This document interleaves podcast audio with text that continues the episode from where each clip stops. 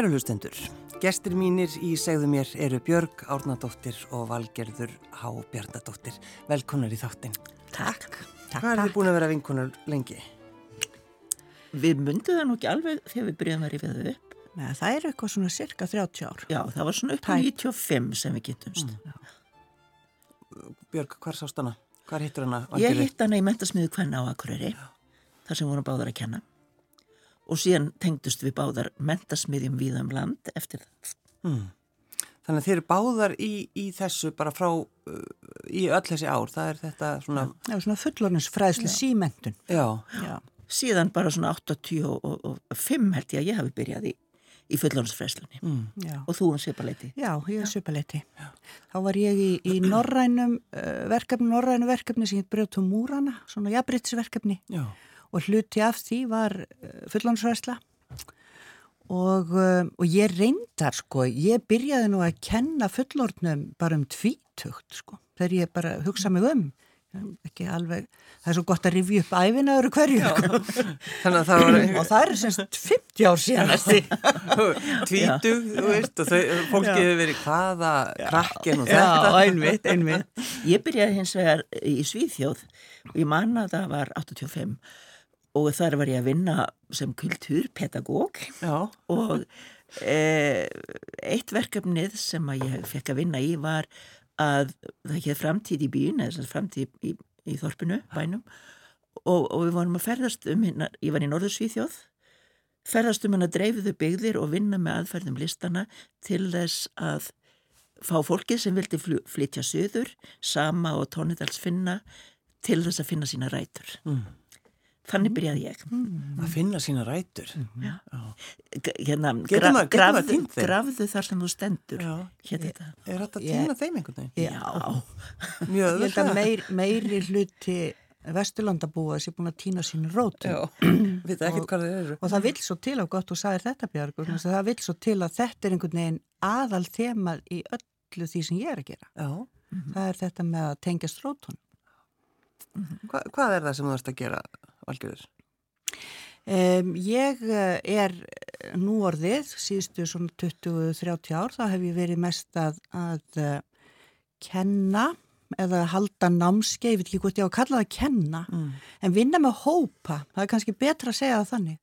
Vinna með hópa og langmest kvenna hópa en einstaklega sinnum blanda hópa um, í því að finna sína rætur og uh, hérna um, í gegnum alls konar uh, aðferðir, drauma, kvennasögu um, og, og ýmsar bara ýmsar nálganir um, og, og þegar ég finna sína rætur þá meina ég í rauninni það að vinna með sjálfar sig, einhvern veginn að finna hver er minn kjarni, hvað er það sem ég vil, hver, hver er ég. Það eru ótrúlega margar manneskjur, bæði konur og kallar eða fólk af öllum kynjum sem að, að kemur rauninni með spurninguna sko, veist, hver er ég? ég? Ég veit ekki hver ég er, ég er búin að einhvern veginn að standa mig, standa mig, standa mig drífa mig, drífa mig, drífa mig og ég veit ekki lengur hver ég er Já. Og það er náttúrulega ekki gott. Nei, og ég held að þetta sé almennt og þetta held ég að sé eitt af aðal meinum nútímans það að við einhvern veginn erum rifin frá einhverjum já, okkur var, vantar hjartengingu sko. að við erum alltaf að stefna eitthvað, við erum alltaf að fara eitthvað sko.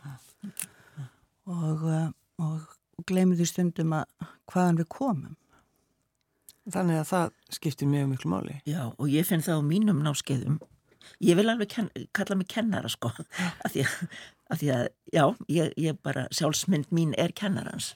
Þó, þó ég sé náttúrulega leiðbeinandi.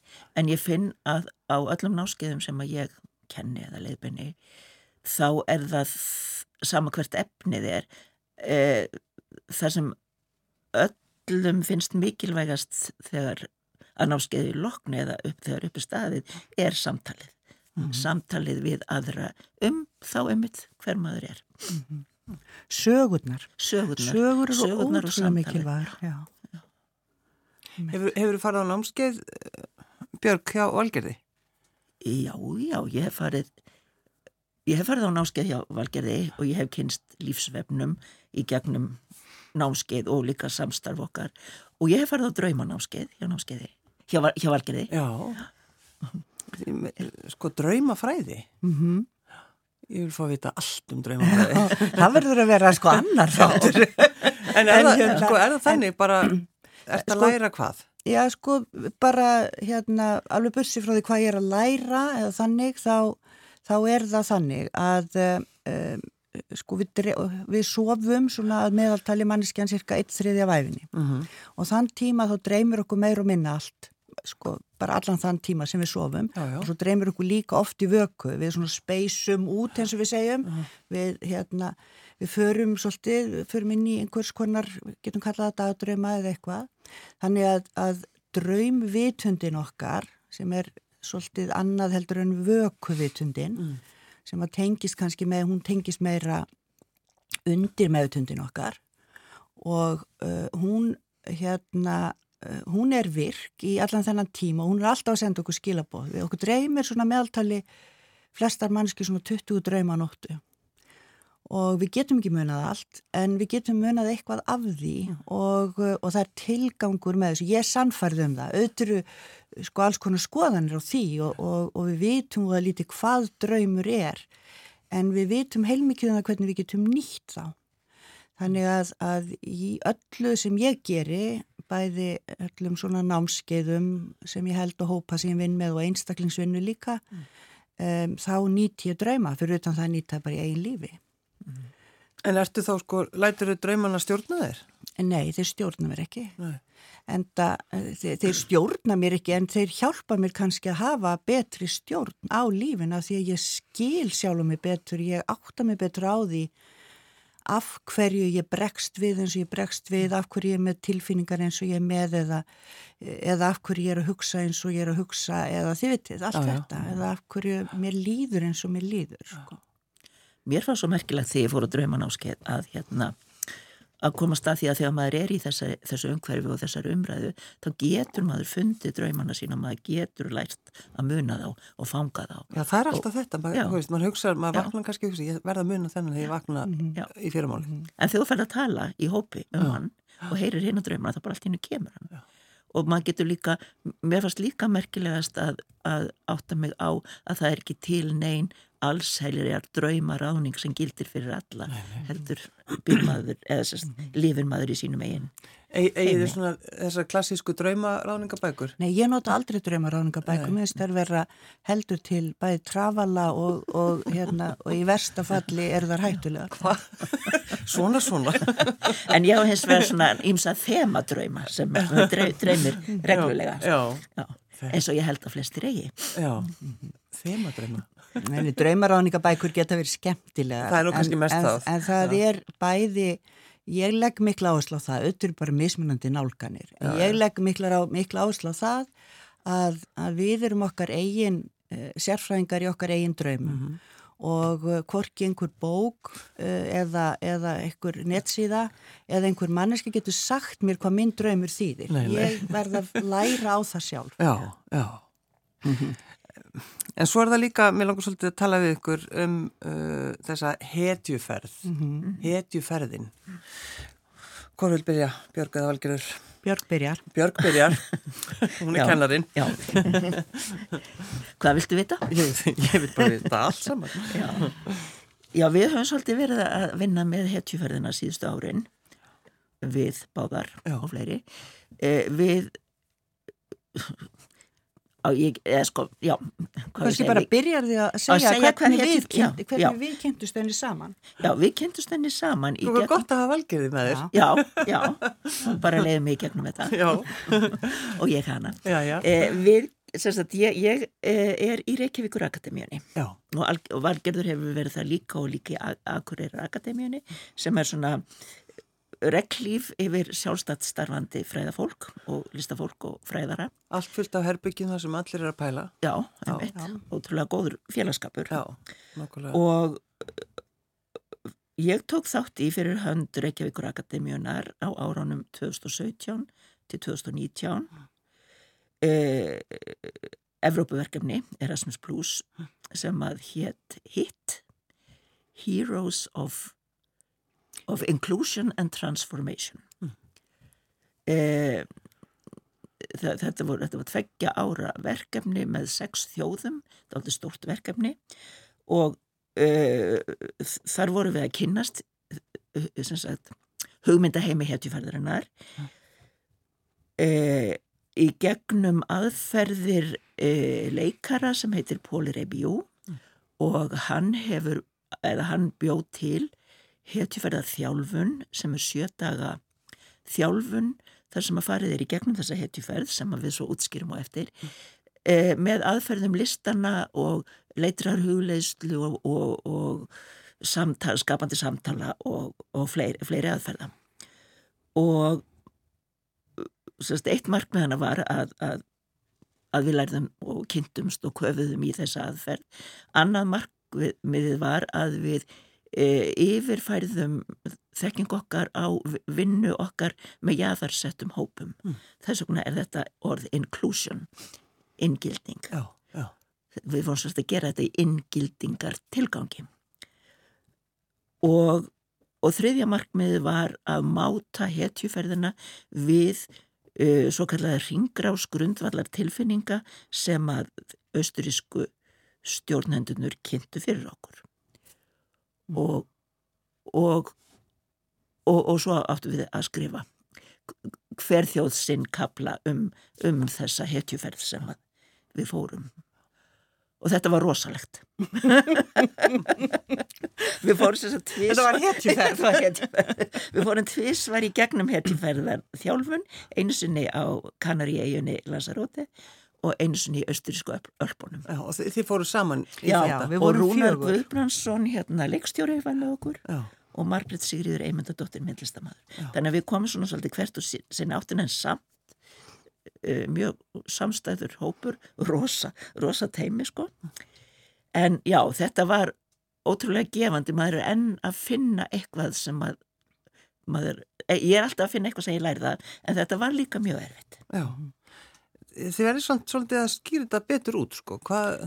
Já, sko, hérna þetta hugtak, hetjuferð, sem á ennsku Hero's Journey, já, um, er, það er nú margi sem þekkja þetta, um, þetta er hugtak sem að, að uh, í rauninni, sko, Jung, Karl Gustaf Jung og fleiri komu með í, í byrjun uh, síðustaldar, uh -huh. þetta er mhm. svona cirka 100 ára gömul hugmynd, sem var svo þróð áfram manni sem hitt hérna, Joseph Campbell var mikill Íslandsvinnur og hérna hann, uh, hann var góðsagnafræðingur með meiru.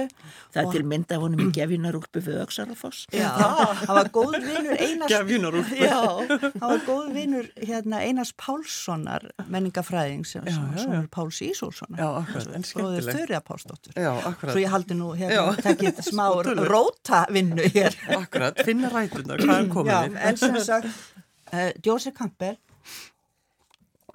Hann, hann var góðsagnafræðingur, hann þekkti allar heimsins góðsagnir eða þannig, hann var mjög virtur eh, fræðimæður Já.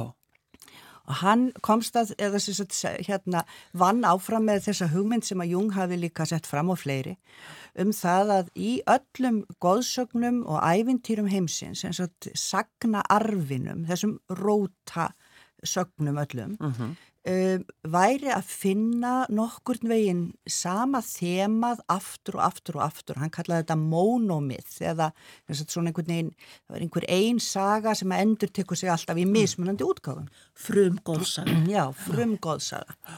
Og, um, og hérna, um, súsaga hún eh, fjallar í, sko, hún eru þetta alls konar en í, í stórum dráttum er þetta draðan upp þannig að, að það er einhver, hérna, einhver persóna hún, sem er lifið bara sínu venjulega lífi og, eh, og eh, er, heyrir svo allt í einu kallið, það er að segja að það kemur einhvern kall og það kemur stundum utanfrá mm -hmm. og stundum innanfrá, stundum bara verður að leggja stað í einhverju óvissuferð en stundum er þér falið það verkefni að fara stað í þessa óvissuferð og, og þessi óvissi ferð hún leiðrið inn í, inn, í, inn í lönd sem eru óþægt og, og hættuleg og þú verður að fara í gegnum alls konar þrautagöngu, þú tekur yfirleitt með þér annarkvort eða hvort tvekja bæði sagt, einhverja gripi, töfragripi eða eitthvað svona sem skiptir máli mm.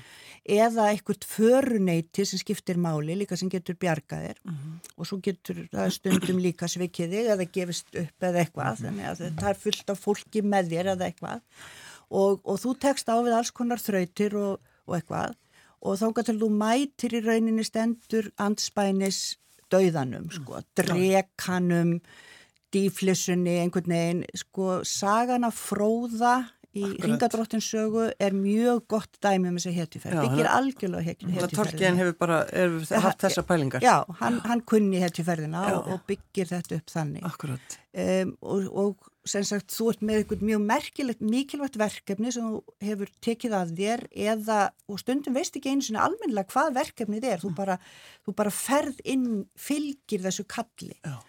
og svo svo sigrastu einhvern veginn á þessum dauða og einhvern nátt í sumum sögum þá deyr goðið eins og í sögun af Jésu Kristi eða sögun af Innönu sem var súmersk giðja fyrir 5.000 árum síðan sem deyr og ósýris í egifsku góðsagnunum og svo rýst upp frá dauðum. Já. en stundum er það eins og með Sigur Fápnisbanna eða Ragnar Lóðbrók eitthvað, þú drepur drekan eða eitthvað slikt, það er að segja að þú, þú, þú sigrast á dauðanum á einhvern hátt og, og það er hérna, stundum er það bara með algjöru uppgjöf en stundum er það með því að, að berjast við einhvern veginn. Og þú ferði gegnum alls konar eh, tilfinningar og þroska ferli á þessari ferð og svo kemur þú tilbaka úr ferðinni með einhvers konar gjöf þar að sé einhverja innri þekkingu sem gagnast mannkininu eða gagnast þínu, þínu samfélagi. Þú kemur sem sagt ríkari tilbaka með eitthvað sem virkilega skiptir máli. Mm -hmm. Og við gerum þetta öll sko í bara á æfinni eh, en við gerum þetta líka þegar við tökumst á við hinn ímsu verkefni. Við erum kannski ekki alltaf að bjarga mannkininu en, en, en þú kannski bara að tala um bara svona daglegt líf bara, já. bara já lífið bara já, þegar það bákar einhvern veginn upp á. Já og stundum ég menna við þekkjum það til dæmis að því ég er nú mjög mikið að vinna með konur og með konum að, að hérna sömarkonur þær eru kannski búin að vera í velöðnari vinnu flottan karriér og eitthvað mm. svona og svo bara einn daginn þá finna þær þetta er einhvern veginn ekki að gefa mig neitt ég er bara, þú veist, ég mm. verða að fara á stað í, ég verða að fara að gera eitthvað annað. Ég bara segja upp toppjobbinu mínu og fyrir myndlistaskóla eða þið vitið eitthvað. En, en stundum gangaður á vegg eða, eða fá krabbamein eða eitthvað þannig að stundum er, er kallið sko bara einhver tilfinning sem drýfur þig áfram en stundum er það það að þú bara færð verkefni sem þú getur ekki annað en tekið að þér. Eins og það er mjög oft í bíómyndum og bókum, já. sérstaklega fantasíu. Já, já, já, já. En er þetta ekki yfirleitt svona einhverja kallhetjur, svona yfirleitt? eins og þess hetjusögur sko, svo, svo bara svo ég klá, hérna, aðeins fara inn í já, það og svo hérna, getur þú uh, tekið við því en, en það er nefnilega af því að það er þar sem, sko, svo er þessi, þessi aðferð notuð, eða þessi hugmynd notuð sem nálgun í vinnu með hópa og, og einstaklinga og eitthvað í, hérna, í, í meðferðarvinnu og allskynns og ótal, ótal aðferðir eða nálganir þróaður í því meðal annars Pól Rubjó sem að Björg talaði um á það sem að var sagt, leikari og gestalt mm. sálfræðingur mm. og, og notaði þetta setti sínar aðferðir inn í þetta og mm. svo er fullt af öðru fólki sem notar einhver aðra aðferðir. Fyrir kannski svona 30-40 árum síðan þá fóru konur að setja svolítið spurningamerki við þetta, konur svona fe feminista hreyfingin, getum við sagt.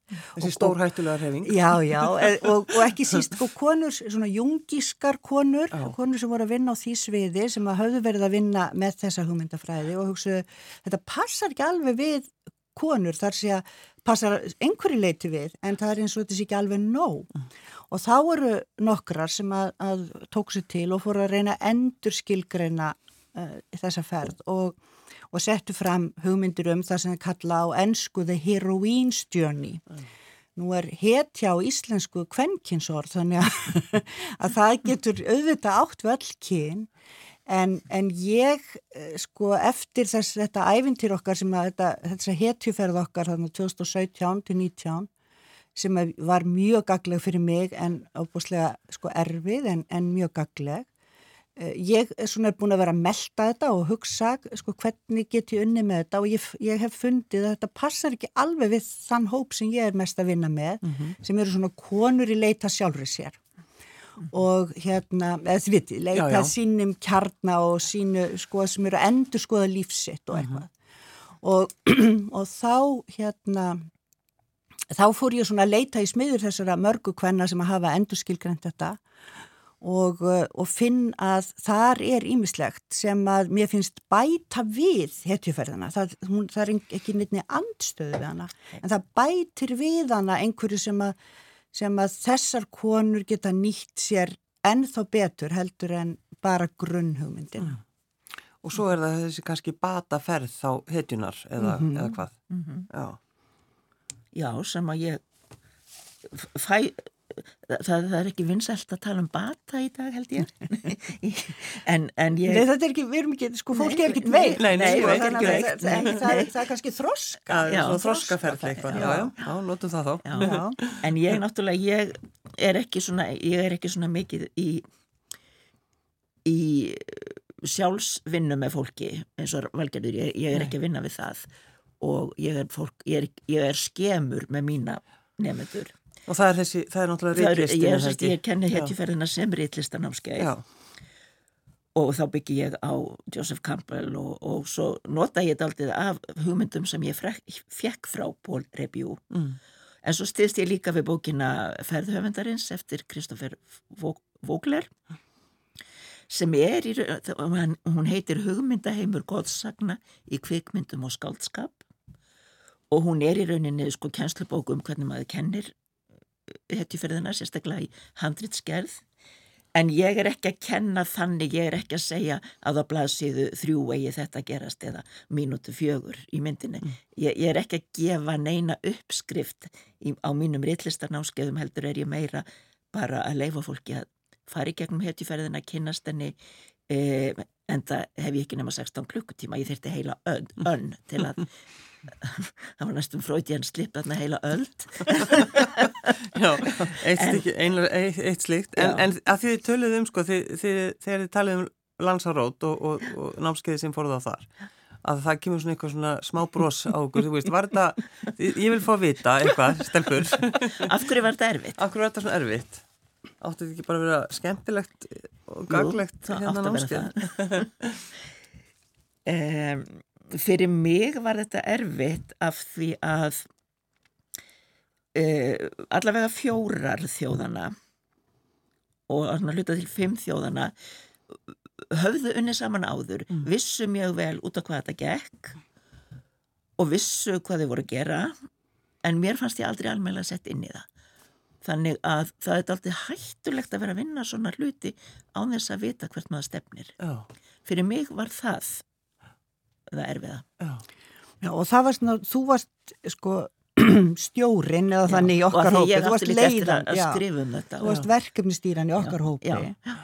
Eh, það sem hins vegar kom í ljós uh, og var kannski sko í viðbót við það að þetta var líka erfitt fyrir ykkur sem voru svona haldu utanum þetta, þá var þetta bara mjög persónlega erfitt fyrir mörg okkar. Mm. Eh, sumurðu fár, fár veik sko bara fár veik og ennur voru svona bar með tauga áfalls og eitthvað. Vegna þess að þetta er, þetta er aðferð. Hetjuferðin er aðferð sem að gerir það verkum að þú, þú mætir einhvern veginn, þú verður að horfast allt í augu við um, lífið þitt þannig og sjálfa þig. Um, og uh, Uh, og, og aðferðina sem eru notar þær, þær, gera, þær, þær eru þannig að það kemur ímislegt upp á yfirborðið. Það, það tengir mjög mikið við undirvitundina í gegnum goðsagnir sko, því goðsagnir og æfintýri og, og leikræn tjáning virka svolítið sveipa á draumar í því að tengja okkur við undirmeðutundina þannig að mjög oft kemur eitthvað upp sem er kannski það búið að vera einhver kalla í þér eitthvað, eitthvað, eitthvað gamalt tráma, gamalt áfall sem þú hafður orðið fyrir eða, eða, eða eitthvað sem þú hefur verið að loka á í sjálfrið þér eða eitthvað. Og í þessari vinnu uh, sem, sem á yfirborðinu er bara leikur sko, það, það voru part í, á yfirborðinu, við klættum okkur í búninga. Þetta var, sungum og dönsum og þetta var ofbóðslega gaman. Já.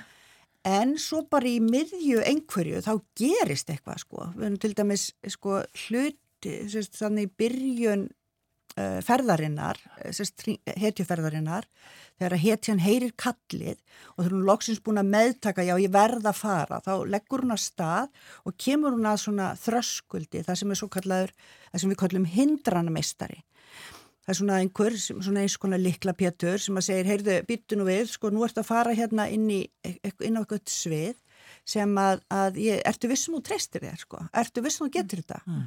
og, og þetta er rauninni verndari en, en spyr mjög óþægilega spurninga. Já, bara svona að evast um. Já, þið veitir, þú, þú, ætlar að fara í, í þarna lista áskóluna því að eitthvað. Já, já, eftir að vissum geta það. Já, ekki bara það heldur, ertu brjáluð manneskja, ætlar að segja bara sér vinnu? Og hvað, og hvernig ætlar að sjá fyrir þér? Og börnunum? Og þú veist, og, og ert að fara til útlanda með hana á þessum aldri, ertu vittlaus, þið veitir, allt þetta. Og, og þetta er bæði utan og innan Og, og til dæmis ég í þessu hindranameistaraferli sem að var bara hreinlega þannig í mjög stuttumáli að við unnum stanslöst heilan, sko, frá miðjumdegi, framötu kvöldi, heilan ótt í intensífri vinnu þar sem að við erum bara að í samtal við hindranameistaran í okkur í svona leikrætni tjáningu mm. og ég held ég væri búin að svara öllum spurningum og var búin að vera, þú veist, bara sko, hérna fara inn á sviði í sjálfurinn mér sem ég hefði aldrei haldið að ég þyrði að segja upphátt, sko, um hvað ég skammaðist mín fyrir og alls konar Já. þegar ég held að ég geti fengið að fara við þröskuldin í þessari vinnu Já. þá bara allt í hennu þá finn ég bara eitthvað að það er eitthvað að gerast með vinstri hliðin á mér og það er sko, við erum, þetta er, við erum orðin örþreytt, við erum, þú veit, komið hálgjört óráð, sko. og ég hafa bundi fyrir augun og við erum búin að bundi fyrir augun lengi, lengi, lengi. Og hérna, og það er önnu manniska sem að, sko, þú segir eitthvað. Ég, ég er hetjan sem segir, ég vil fá að komast hérna yfir. Þá er önnu manniska sem að heyrir það sem ég segi og endur tekur það. Og svo verði ég að hindrana meistaranum og þetta er svona, þetta er flókiferli en ok, hann þá finn ég bara að það er eitthvað að gerast með vinstri hliðin á mér og svo bara allt í hennu vext og ógæðislega höfuð út úr vinstri hliðin á mér þetta hljómanis, þetta sé klikkað, skiljiði, en þetta er auðvitað bara, þetta er svona, ég er komin í hálgjört draumkjent ástand, Já. þetta er svolítið eins og draumur Já. og þetta höfuð fer bara að segja mér alls konar um sjálfa mig sem ég veit að er satt, en ég held ég myndi aldrei á æfi minni segja upphátt, en, en ég tala fyrir höfuðið, mm. veit, ég heyri mig segja það. Og, og svo fæ ég að svara þessu höfði og bara verða róð sko bara fara í því, því líka auðmíkt, það bara sko komdu þið neðar á jörðina hérna bara, í, bara sko legðu flöt. Þú ert svo auðvirðileg. Og hérna og svo, og svo framvís og svo bara kom þriðja höfuðið einhver staðar og eitthvað. Þannig að eftir þetta þá er ég úrvinda, gjörsanlega úrvinda en ég er líka búin að berskjalda með einhvern hátt sem að ég hefði heldur aldrei gert bara fyrir fram að speilin ein heima hjá mér. Nei. Þetta var magnað fyrir mig, algjörlega magnað, af því ég hef í ótal mörg ár verið að vinna með þessa hluti. Þannig að þetta var bara svona punkturinn yfir yfir eitthvað, þetta var svona, þetta var svona, hérna, svona hvað, tímamót ykkur. En fyrir sömt fólk sem kannski hefur ekki verið að vinna í þessu þá var þetta bara, sko, það var bara búið að vera á eftir. En fannstu fyrir einhverjum, sko, þegar þú kemur tilbaka eftir þetta ertu, ertu önnu mannski? Já, já, ekki, ekki önnur, ég er alls veist, ekki önnu mannski ég meira ég. Já, já þetta var frábært. Já, já, en, en það er þannig já, það er þannig. Mér langar samt að taka fram svo að fólk óttist ekki. Já. Að þú veist, þó að fólk komi kannski á, 16 tíma, á 16 tíma rittlistanámskeið hjá mér, þá fer ekki endilega að vaksa höfuð út úr síðan Nei, nei, nei, nei, þetta er alltaf valgerður. Nei, já, en, en líka, sko, ég vinn aftur með, sko, hei, fólk er hjá mér bara í heilan vetur að vinna. já, já. og hérna svona langtímavinnu og sumar eru búin að vera 5-6 ára eða eitthvað að vinna. Já, svona ég, til þess að ebla, ebla konur. Já. En ég nota samt ekki svona aðferðir vegna þess að, að hérna, sko, ég bara trú ekki á þær. Ég trúi á aðeins mýkri leiðir. Mm. Þetta var, þetta var hressandi, ég læriði heilmikið af því og allt það en ég hef ekki nota þessa sömu aðferði. Ég eins og er nota hlut af þessari nálgun, bara það sem ég finnst vera uh, siðferðlega rétt og það sem ég trú á að mm. gera í gagn en ekki ógagn. Mm. Fórst þú í gegnum svona ferli, Björg? Já, ég fór gegnum ymmislegt sko, mm. en hérna ekki, ekki svona mikið. Eitt okkar bara það stóð bunan upp úr og niður úr honum sko og hann sagði bara eftir þvílikt katharsis en hérna en mér langar, samt, mér langar að minnast á eitt að því valgjörðu var að tala um uh, ferð kvennhetjunar mm.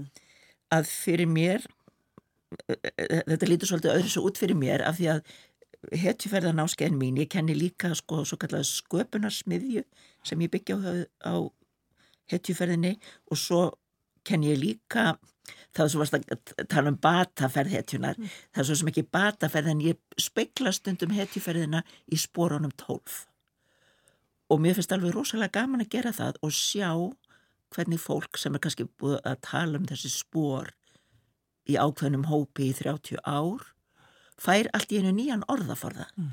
til að tala um spóravinnuna af því að þetta er í rauninni sama ferðalægið oh, en varandi kallmennina þá er hetjuferðin það rillista námskeiðana minna sem er vinsælast af kallmönnum sem kann að stafa af því að að hetjuferðin er karlæg en líka bara því að uh, karlmenn þekkja þetta og, og það er engum ungir karlmenn uh, svona fantasíu lesendur og já þeir sem lesa, fan, lesa fantasíu bókmyndir horfa á fantasíu kvikmyndir eru sjálfur að skrifa fantasíur. Það er fullt af fólki, sérstaklega ungu fólki sem eru bara að skrifa fantasíu bókmyndir og gefa út á ennsku mm -hmm.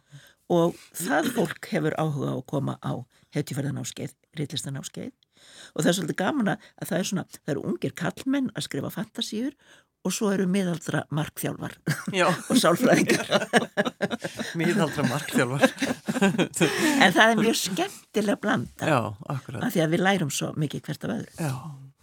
Er alltaf ja, gaman einhvern veginn að halda svona námskið og sjá hvernig svona Já. hvernig fólk breytist? Það verður bara skemmtilega og skemmtilega Það er alveg óbúslega gaman og, og í þessari svona, getur kallað feminísku nálgun sem ég er núna farin að nýta e, þá, þá er það, það pínu annar ringur sko e, þá, þá er byrjað á því að horfast í augu við það að þegar kona fæðist og við bara öll svo mm. sem, mm. alveg sama af hvaða kyni við erum, þá fæðumst við inn í feðraveldi og, og fyrir konur þá þýðir það, það og, og önnur sem ekki sko einhvern veginn samsama sig með þessu feðraveldi eða þið veitir, hafa kannski í grunninn einhvers konar aðrar þarfir eða langanir eða eitthvað að þá hérna þegar við, þegar við fæðumst inn í þetta fæðarveldi og af hvaða kyni sem við erum þá kemur að því bara mjög fljótlega að við þurfum dálítið að afneita kvenleikanum, að kalla það að afneita móðurinni og samsama okkur með föðurnum.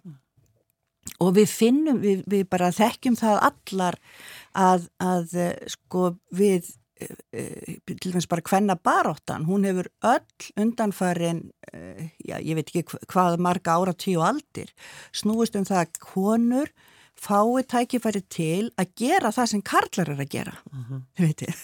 að fara í, út úr hvern hlutverkunum og inn í karla hlutverkin í rauninni í samfélaginu. Já, já, þá er þetta náttúrulega hettuferðinu. En ég, já. en sko, já, ég, ég verði að senda ykkur út í daginn Já, já. En ég baði ykkur að velja lag. Þið voru eitthvað, ég segi ekki þegar við fyrir að rýfast um það. En, nei, en, hérna, nei, nei, við örðum nokkuð samála. Já, já. Og við völdum lagið Hit the Road Jack. Já. Og það var vegna þess, eða þess að ég upplifa svo stert að þegar þessi, þessi vinn okkar með hindrunamistaran, þegar henni var lokið, uh, og við risum upp aftur, þá var spilum músík og við dönsuðum um rúmið. Já, um, rúmið, um, um, um herbergið. já, ég var að hugsa um á einsku og hérna og þá var þetta lagspila og ég tengi það svo við að hérna við það að hverja hindruna mistarna mína. Björg Átnandóttir og Valgerður Há Bjarnandóttir Takk fyrir að koma. Takk fyrir að fá okkur. Takk.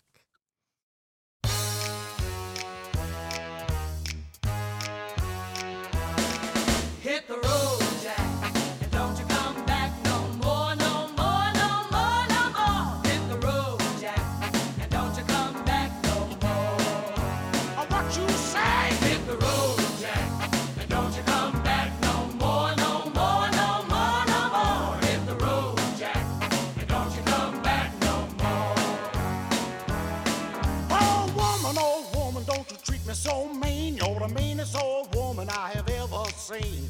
I guess if you say so, I'll have to pack my things and go. That's right, hit the road, Jack.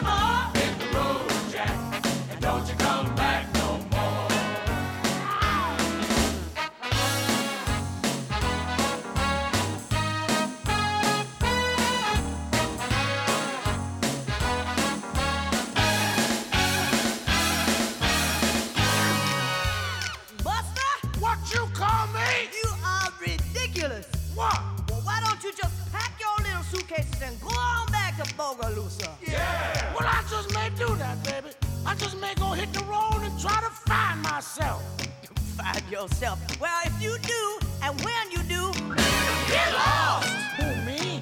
That's right!